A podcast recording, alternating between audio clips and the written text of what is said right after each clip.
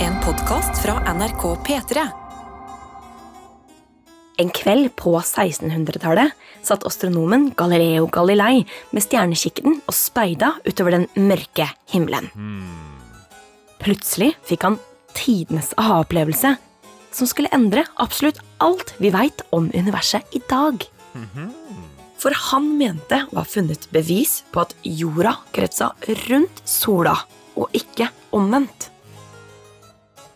For på den tida trodde alle, og i hvert fall den mektige paven i den katolske kjerka, at jorda og menneskene var the center of the universe. Så når Galileo påsto at paven tok feil, da blei det bråk.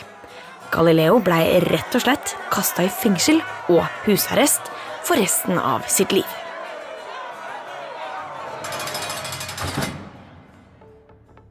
Nå veit vi at Galileo hadde rett. Hans oppdagelse endra alt vi veit om universet i dag.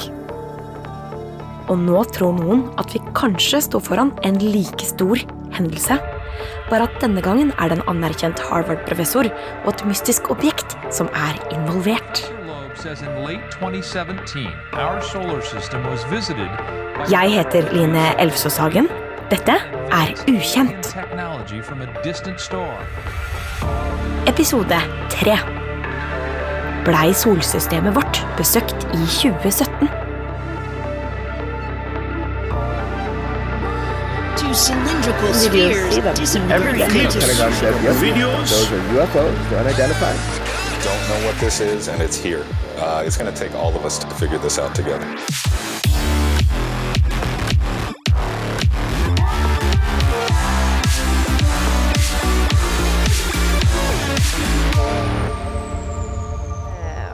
Altså Tittelen på boka Det dukka opp, liksom, en liksom random reklame da, et eller annet sted. Og så gikk jeg inn på Kinderen min og bare Å, herregud, den må jeg forhåndsbestille. I starten av 2021 kom det ut ei bok som vitenskapsmakkeren min Torkel Jenterud og jeg slukte. Boka heter da Extraterrestrial. The first sign of intelligent life beyond Earth. Den er skrevet av Harvard-professoren Avi Loeb. Og han er Torkel og jeg på vei hjem til nå, i Boston. Nå ringer klokka, da, men.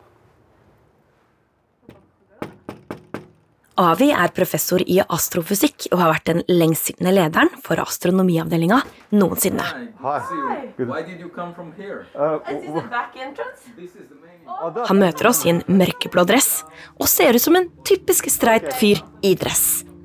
Men det er han altså ikke. For la meg bare ta det her aller først. Boka handler om objektet Oumuamua, og hvorfor det kan ha vært et alien-fartøy, ifølge Harvard-professoren. A professor at Harvard is out with a new book detailing an incident that he believes is the first sign of intelligent life outside Earth. I oktober 2017 fløy et mystisk objekt inn i vårt solsystem. Helt inn i vårt nabolag. Could be something created by advanced alien technology from a distant star. Pan-STARS-teleskopet på Hawaii, som overvåker himmelen 24-7, plukka opp dette objektet. I elleve dager observerte forskerne dataene, før det forsvant ut av rekkevidde. What is this thing? Ingen klarte å skjønne hva objektet var. Det eneste som var sikkert, var at det kom utenfra vårt solsystem, og det ble derfor det første til å bli klassifisert som interstellart. Objektet fikk navnet Oumuamua, som betyr speider eller gjest fra det fjerne. Og det skal vi nå analysere sammen med Avi. For hva er det som er så mystisk ved dette objektet? It didn't look like anything we've seen before. Nei, fordi utseendet skilte seg fra de vanlige steinene man ser kommer fra verdensrommet, som stort sett er meteorider, asteroider eller kometer. So. Objektet var omtrent på størrelse med et stort tankskip, og reflekterte lyset fra sola på en annerledes måte enn man hadde sett før. Og dette her tyda på at objektet var langt og flatt, og ikke klumpete og stort som en typisk asteroidestein, men faktisk litt mer som en pannekake. Now, you might say, oh, so what? It's a rock. That's what my colleague said. It's a rock. Then it turned out it doesn't have a cometary tail, doesn't look like a comet. Definitely not a comet uh, of the type that we have seen. En komet er lagd av frossen gass, stein og støv. I tillegg har den som regel alltid en hale bak seg av gass. Fordi når en komet nærmer seg sola, vil solvinden fordampe litt av de frosne gassene i kometen og blåse ut en hale av gass og grus som peker rett vekk fra sola. Men Oumuamua hadde ingen hale. Noe som tyder på at objektet var mer solid bygget enn en komet. 10% or a tenth of the mass of this object had to evaporate in order to produce the excess push that was observed. And obviously, we didn't see that. So, all of these are very unusual features. So, it definitely came from outside the solar system, and uh, it didn't look like anything we have seen before. Objektet bevegde seg unormalt raskt og uforutsigbart. It was pushed away from the sun by an additional force, and the only way I could make sense of it is that it's very thin, it reflects sunlight, and therefore it's being pushed. For i universet så er det nemlig gravitasjonskreftene som bestemmer banene til planeter og kometer og alt annet bevegelig. Men det uvanlige med dette objektet var at det så ut til å ha en egen reisevei med en egen selvstendig fart og vilje til å stå mot gravitasjonskreftene. Det reiste riktignok ikke veldig langt unna den naturlige banen til en komet, men nok til at astrofysikerne begynte å klø seg i huet.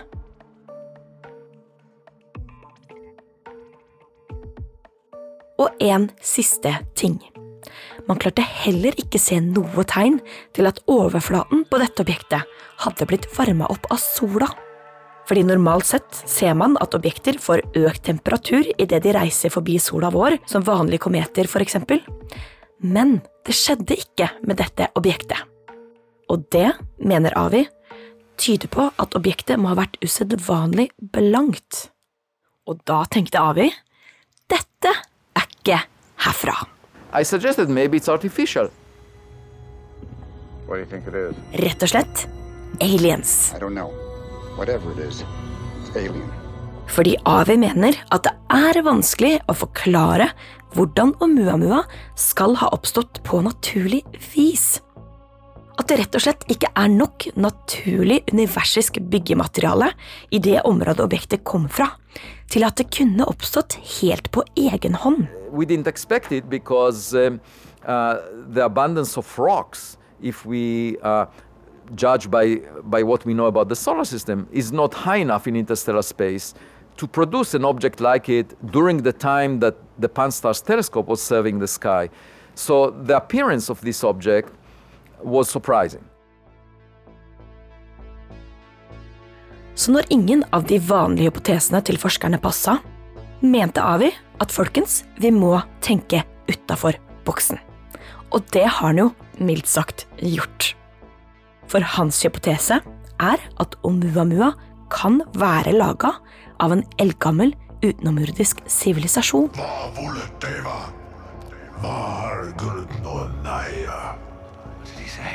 At Oumuamua rett og slett er rester fra gammel romvesenteknologi. Do you read me, Hal? Affirmative, Dave. I read you.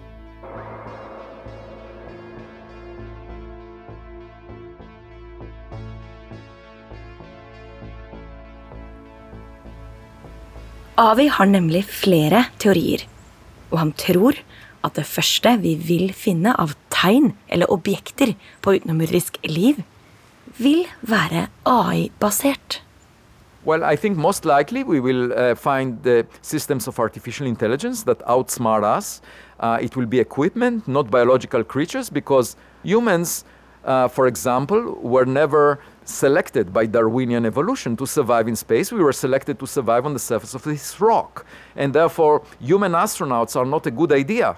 What you want to send out are AI systems that are made of electronics that can survive maybe billions of years by traveling between stars and they can be autonomous. They don't need any guidance because from machine learning they can learn from experience and then serve a much longer journey and, and, and purpose. And that, I think, is what we can imagine for ourselves, and the same must be true for others that send messengers. So I, I expect a messenger to be a very smart piece of equipment. Han har også kommet med ideen om at Oumuamua kan være et utenomnordisk instrument som skanner oss, akkurat som vi skanner overflata til andre planeter. Han tror det kan være en sonde på størrelse med et kredittkort som bruker AI-teknologi. Den kan drives fremover av et stort solseil, og Torkil forklarer meg hva det er. Uh, ja, det er jo altså Det er i hvert fall en, eh, en, slags innretning, da, som er et Man ser for seg at man lager et svær duk, en veldig reflekterende duk, som man spenner ut. Den er enormt stor, veldig lett. Og så når sollyset da treffer den duken, så reflekteres det tilbake. Så da går det kraft den vei, ikke sant. Sollys, energi. Og da må det dytte den andre veien på duken. Uh, så da får den en kraft. Litt som et seil på et seilskip på, på vannet. Men det her er vel ikke egentlig noe man enda har sett blir lagd naturlig i universet? Nei, dette er jo noe man snakker om i romfartsindustrien, og, og faktisk kommer til å bygge også. Sånne solseil for å drive sonder ut. Men hvis man skulle liksom Hvis det skulle eksistert eh, noe som funka på den måten i virkeligheten, så måtte det jo vært noe som var veldig lett, da. Det måtte, for dette, det, altså, du, du, må ha ganske, veldig stor overflate i forhold til vekt. Må det ikke være tett? Ja, det bør være tett. Det kan jo tenkes at du har en slags sånn mishmash-nettverkgreie hvis du bare har stor nok overflate uh, og veldig sånn porøs gjenstand. Men det må også være veldig blank og reflekterende, eller veldig hvit eller blank, som reflekterer bra. Så jeg har vanskelig å se for meg at det eksisterer naturlig. Så derfor tenker Avi at dette solseilet er kunstig, dvs. Si, ikke laga av naturen, men av en annen utenomjordisk rase. Men det har vært veldig mye snakk om det i romfartsindustri, og det er faktisk noe som skal prøves ganske snart, tror jeg. Hvor man skal prøve å sende sonde ut i verdensrommet med hjelp av solseil, da, for det er jo billig energi. Avi har også en annen teori, at Oumuamua kan være noe så enkelt som gammelt romsøppel. Den likte jeg veldig godt. Det handla om at uh, dette her er en del av et sånt intergalaktisk navigasjonssystem av en eller annen uh, veldig avansert uh, og kanskje gammel utdødd rase, hvem vet. Men uansett, det går ut på da at han har ser på alle hastighetene til ulike stjerner i Melkeveien. da. Hvordan de beveger seg i forhold til hverandre. Og så er det en sånn gjennomsnittshastighet, da. Så, som da denne sonden ligger veldig veldig tett opptil. Omtrent på den gjennomsnittshastigheten. Og det tenker han at det er, Kan det være tilfeldig, da? At den ligger akkurat på den, gjennomsnittshastigheten? Så da tenker han liksom at eh, dette her egentlig ikke er noe som er sendt mot oss, men bare en slags sånn bøye, en navigasjonsbøye som ligger ute i rommet. Og så er det egentlig solsystemet vårt som kommer whoop, eh, rasende og treffer den der bøyen. Og så ser han for seg at det finnes masse sånne bøyer da rundt omkring i, i galaksen da, som danner et slags sånn nettverk som da avansert sivilisasjon kan bruke til å farte fram og tilbake til å, å bruke som sånn fyrtårn da, i verdensrommet. ja, ja, for det er på en måte et slags GPS på, i verdensrommet. ja, ja, for det, det, er på en måte et slags veiskilt i verdensrommet. Ja, nettopp. Ikke sant? Det er en kjempegøyal idé i hvert fall. Jeg liker den veldig godt. Og nå skal du høre.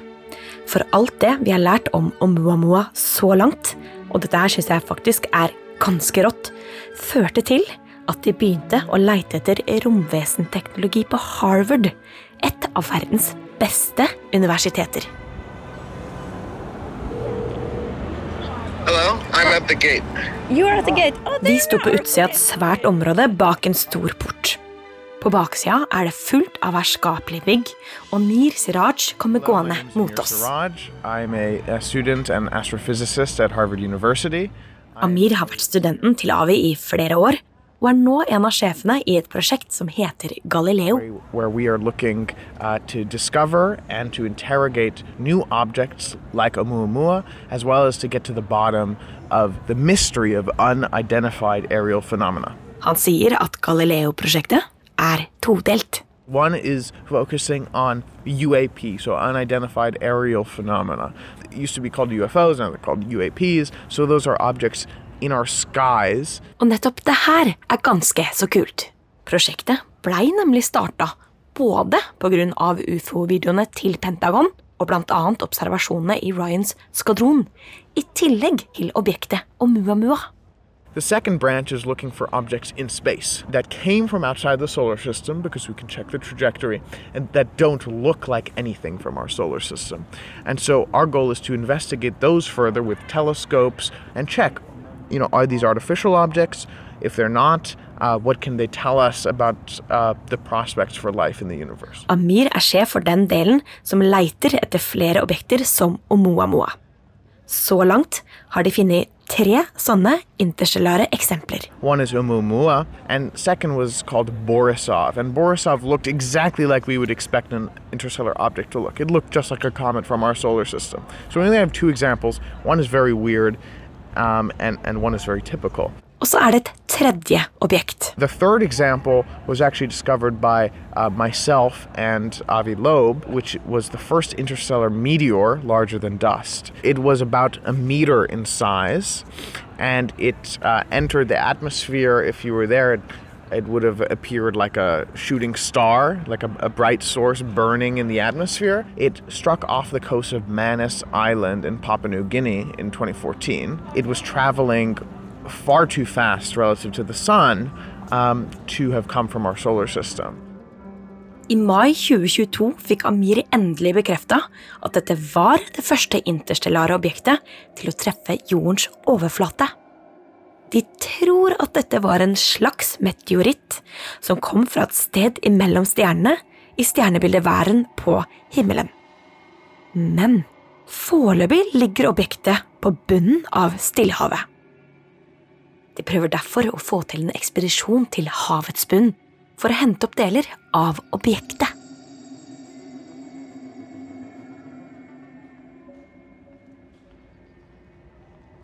Sjefen Amir er overbevist om at Avi og Galileo-prosjektet kommer til å finne svar. You know, I, I hope that uh, I can be uh, the person to discover extraterrestrial life, uh, or at least you know help um, in, in, terms of in terms of finding uh, extraterrestrial life, because you know I think that this is the biggest question that we can really ask: Are we alone?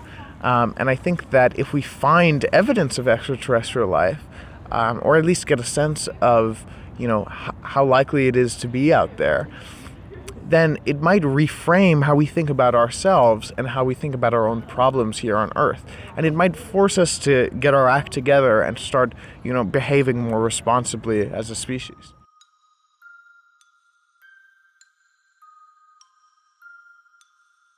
Men så er det ikke alle som er enige med Avi og Harvard-gjengen. Fordi Avis teorier om at Oumuamua kan være noe aliensk, det har forskerne krangla om i en god del år. You can't say that's a simple solution. You might as well say it's God, I mean, or anything. Santa Claus. De ringte til dr. Jane Liu, som er astronom. Hun har jobba på blant annet Harvard, på samme universitet som Avi og Amir. Og hun mener at Avi egentlig er helt på jordet. He's making claims with zero evidence, and he came. To, he says these things are the simplest explanations, but that's the opposite of what scientists do. The simplest explanations are the ones that have evidence. So he turned it around, and it just sounds a lot like religion to me. Det Jane mener her, er at Avi har brukt et problemløsningsprinsipp fra vitenskapsteorien som kalles Ockhams barberkniv, for å komme fram til alien-teorien sin. Det prinsippet sier at hvis du har to ulike forklaringer på ett fenomen, så velg den som krever færrest ekstra antakelser. Rett og slett den enkleste forklaringa. Men den enkleste forklaringa er ikke aliens, mener Jane. Men det er noe hun faktisk er enig med han i. Hun sier at hans opprinnelige hypotese var bra, at det kunne være sola sin stråling som påvirka banen og farta til Oumuamua.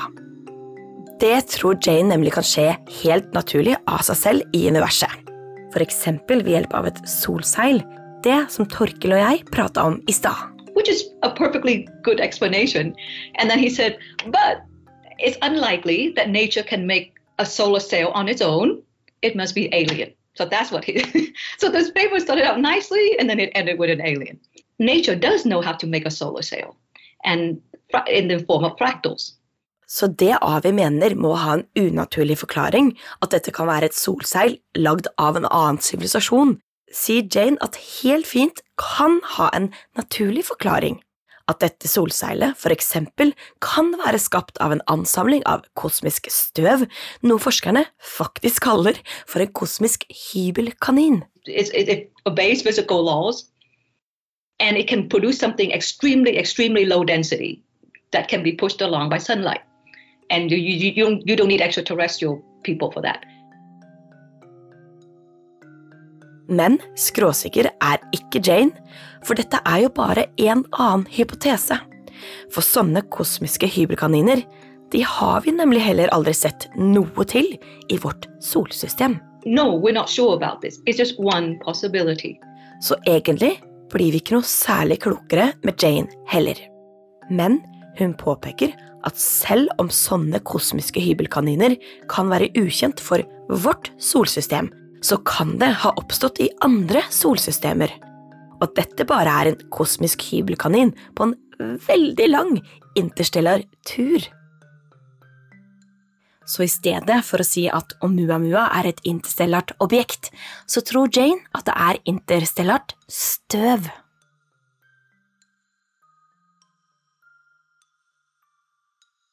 Så er det jo ikke bare heller Jane Lu som er uenig med Avis hypotese. We have a lot of people scratching their head. And so, but if your first thought is, oh, it must be aliens. Jeg ringte den populære astrofysikeren Neil deGrasse Tyson, som vi prata med om ufo-videoene i forrige episode. Og ikke overraskende, Neil hadde også litt av hvert å si om Oumuamua. To discuss whether an object that has motion that we can't explain uh, in the solar system to discuss whether or not it's aliens. I think it's great for a science fiction story. Sure. Og jeg skal være helt ærlig. Teoriene om Oumuamua minner jo om alle de science fiction-historiene jeg elsker. Og da er det jo fristende å tenke Shit, hva hvis? Men Neil han mener sannsynligheten for at det er noe aliensk ved Oumuamua, er really low. So low that of all the, the time I'm going to spend investigating the object, I don't even think I would devote alien time to it. Neil forteller hvordan vi i gamle dager trodde epilepsi hadde noe med djevelbesettelse å gjøre. Som et eksempel på at vi opp igjennom historia har hatt ganske søkte forklaringer på ting vi ikke visste hva var. You call the priest, the priest comes, performs an exorcism. With the Father and the Holy Spirit. And the symptoms go away, and there it is. You've got it fully explained. Amen. Before science comes into the explanation, you've got it. And by the way, epilepsy runs its course. It, it begins and it has a peak, and then it ends in, in, in the seizure. And so, timed perfectly to go get the priest and have them perform an exorcism. Neil mener det foreløpig er for lite data til å si om Oumuamua faktisk er et objekt som ikke er lagd av universet selv, men av aliens. Han mener derimot ikke at vi har svar, han sier bare at kun fordi vi ikke veit hva det er, betyr ikke det at det er aliens. It's a mystery, and I'm okay with that. Any scientist is okay with not knowing. What do you think is out there? In your mind? What is out there? I, I don't know. It's a frontier, it's a mystery.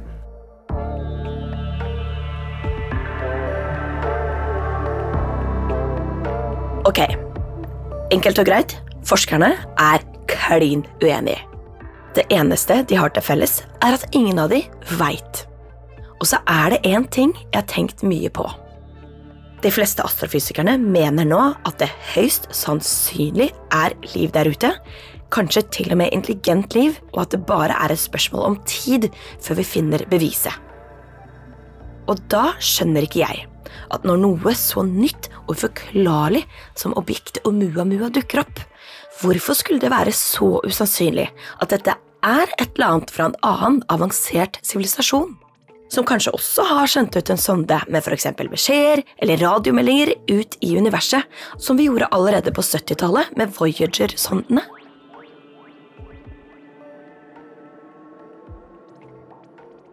Vi må tilbake på verandaen til Avi. Han har selvfølgelig svar på kritikken fra Jane og andre forskere. Maybe it's a dust bunny. How do you explain the anomalies of? Maybe it's a cloud of dust particles that is a hundred times less dense than air. And the problem with that is when it comes close to the sun, it will get heated by hundreds of degrees and will not maintain its integrity because of material strength. Altså at hybelkanin ville gått i oppløsning så nærme sola. Okay, so then someone else suggested, oh no, so maybe it's a iceberg, a chunk of frozen hydrogen, because hydrogen, when it evaporates, we will not see it. So it's a comet, but made of pure hydrogen. We don't know if nature makes such comets. We've never seen a chunk of frozen hydrogen, but nevertheless, that was a suggestion. Avi ble ikke imponert av den teorien heller. The problem with that is such a chunk of frozen hydrogen will get evaporated very quickly within millions of years and will not survive its journey throughout interstellar space. Men hva med den teorien som foreslår at Oumuamua bare kan være en bit av en planet som rett og slett har løsna?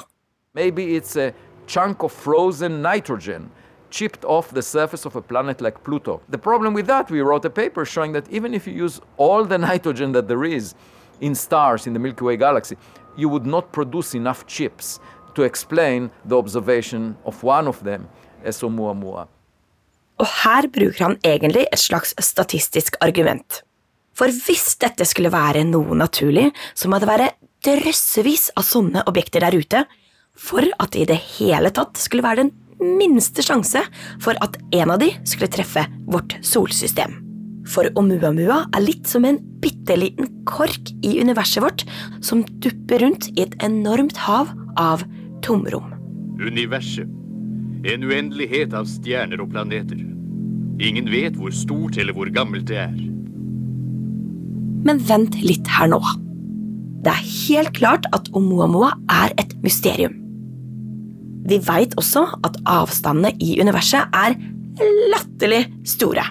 Og Oumuamua tror man jo er et interstellart objekt som er kommet langt bortenfra stjernene.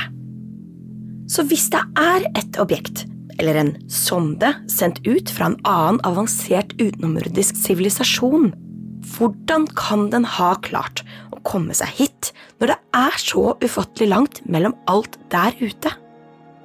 Én mulighet er at Oumuamua kan ha kommet hit via et ormehull. Og jeg lurer på hva Torkil tenker om nettopp det her. Hvordan funker ormehull? Ormehull eh, det er jo et konsept som spinner ut fra Einsteins generelle relativitetsteori. Jeg blir alltid glad når man kan si det. Men det er i hvert fall Jo, ikke sant? jeg har et papirark. Og den er todimensjonal, ikke sant? Ja, Det kan man bøye inn igjen. Ja. Ja, ikke sant? Så, så et, et, et sånt todimensjonalt papirark det kan jeg bøye inn i vår tredimensjonale verden. Men i eh, relativitetsteorien så sier man liksom at hele dette rommet vårt, som er da firedimensjonalt faktisk, for det har både opp, ned, høyre, venstre og fram tilbake, ikke sant, tre dimensjoner, pluss tid, eh, at hele det kan bøye seg og bende seg på måter som er veldig vanskelig å beskrive sånn visuelt. Men det er ikke noe i veien for at du kan liksom bøye da, som, akkurat som dette papirarket her, bøye to, sånn to steder langt unna hverandre kommer veldig nærme. Nå har jeg liksom bøyd hele papirarket, så det bretter den ikke sant, som en vaffel. Og når, når jeg bretter dem som en vaffel sånn her nå, så kan jeg da ta en eller annen gjenstand, en spiker her, stikke gjennom. Så kommer det gjennom begge arka. Og det er da ormehullet, eller en Einstein-Rosen-bridge, som det også kalles. Og det papiret illustrerer da på en måte universets rom.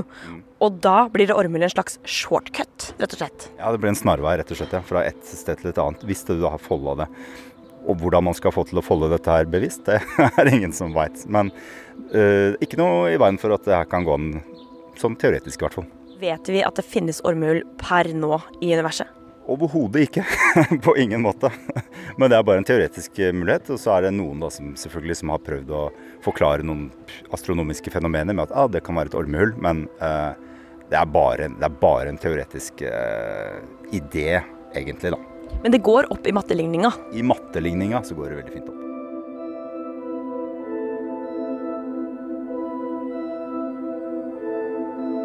Det med ormehull er altså en ganske crazy teori.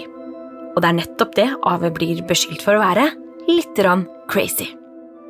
Og han mistenker at noen forskere er såpass skeptiske til hans teorier fordi han tror de syns det er useriøst å diskutere og i hvert fall forske på mainstream fenomener som ufoer. And when they see the public extremely interested in this question, they shy away from it in order to maintain a distance because they will never get engaged that a person without proper education that is not solving complicated equations would discuss. Do you think um, they're also afraid on a human level, like afraid of the answer? Yeah, exactly. It's scary because of the unknown. You know, that there is something you don't know. You feel much more secure when you stay within the boundary of what you know. Og etter å ha lest boka til Avi, og ha møtt den, så tenker jeg at det er nettopp dette det handler om for ham. Å tørre å gå inn i det ukjente, fordomsfritt og åpent. Han vil pushe nye hypoteser når gamle ikke holder vann, og håpe på et stort gjennombrudd. Sjøl om det kanskje gjør småkonservative forskermiljøer irriterte. For det er et stort spørsmål han mener det er essensielt å finne svaret på ved Oumuamua fundamental question is whether it was artificial or natural in origin. Og det er svaret på dette spørsmålet som forskerne er uenige om. Er Oumuamua kunstig laga, eller er den laga av naturen sjøl? And all I can say is that all the natural explanations invoked something that we've never seen before. And to me, that's intriguing enough to continue to search for objects like it and find their nature by getting better evidence. That's it. Så i motsetning til hva forskerne som Jane og Neil kanskje skal ha det til, Avi sier at han ikke påstår at dette er aliens, men han er opptatt av at vi ikke må lukke døra for at det kan være teknologi lagd av aliens, i og med at ingen av våre andre forklaringer gir mening. I would say let's consider also the possibility that it's artificial. That's all. And I thought to myself, you know, haven't we learned something from the experience of Galileo Galilei, you know, four centuries ago? For du husker historien om Galileo Galilei? Han var uenig med paven, lanserte en idé alle syntes var totally crazy, og deretter ble han kasta i fengsel for det for resten av sitt liv. Nå veit vi alle at Galileo hadde rett. Several people think you are a bit crazy.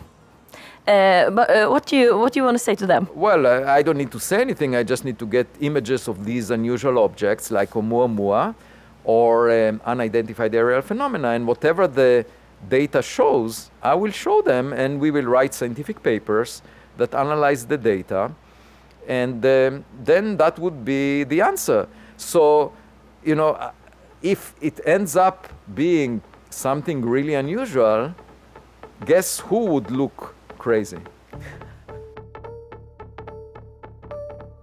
Men det er jo heller ikke bare de nyeste radarene som viser mystiske ting.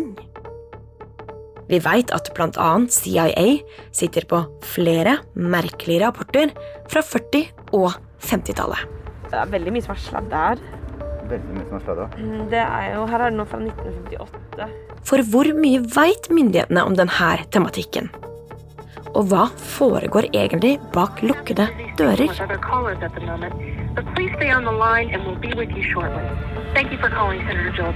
På toget til Washington DC prøver vi å bekrefte intervjuavtalene med alle politikerne og myndighetsfolka vi skal møte.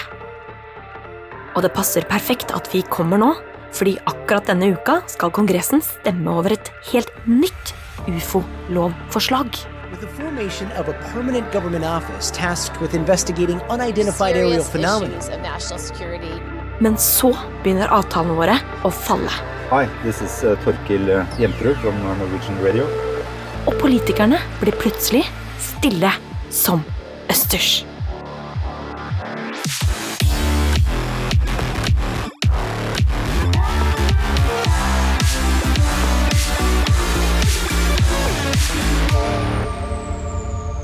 Ukjent er en podkast fra NRK P3, laga av Hanna Nordlien Berg, Tormod Brekke Øie, Torkil Jemterud og meg, Line Elfsås Hagen. Musikken vår er komponert av Chris Nesse. Ansvarlig redaktør er Ida Jevne. Lydklippene i denne episoden har vi henta fra 2001, En romodyssé, Eksorsisten, Star Trek og Alien Prometheus. En liten takk sendes opp til stjernehimmelen, og så håper jeg at vi høres i neste episode av Ukjent.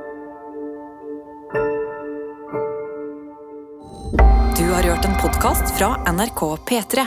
De nyeste episodene hører du først i appen NRK Radio.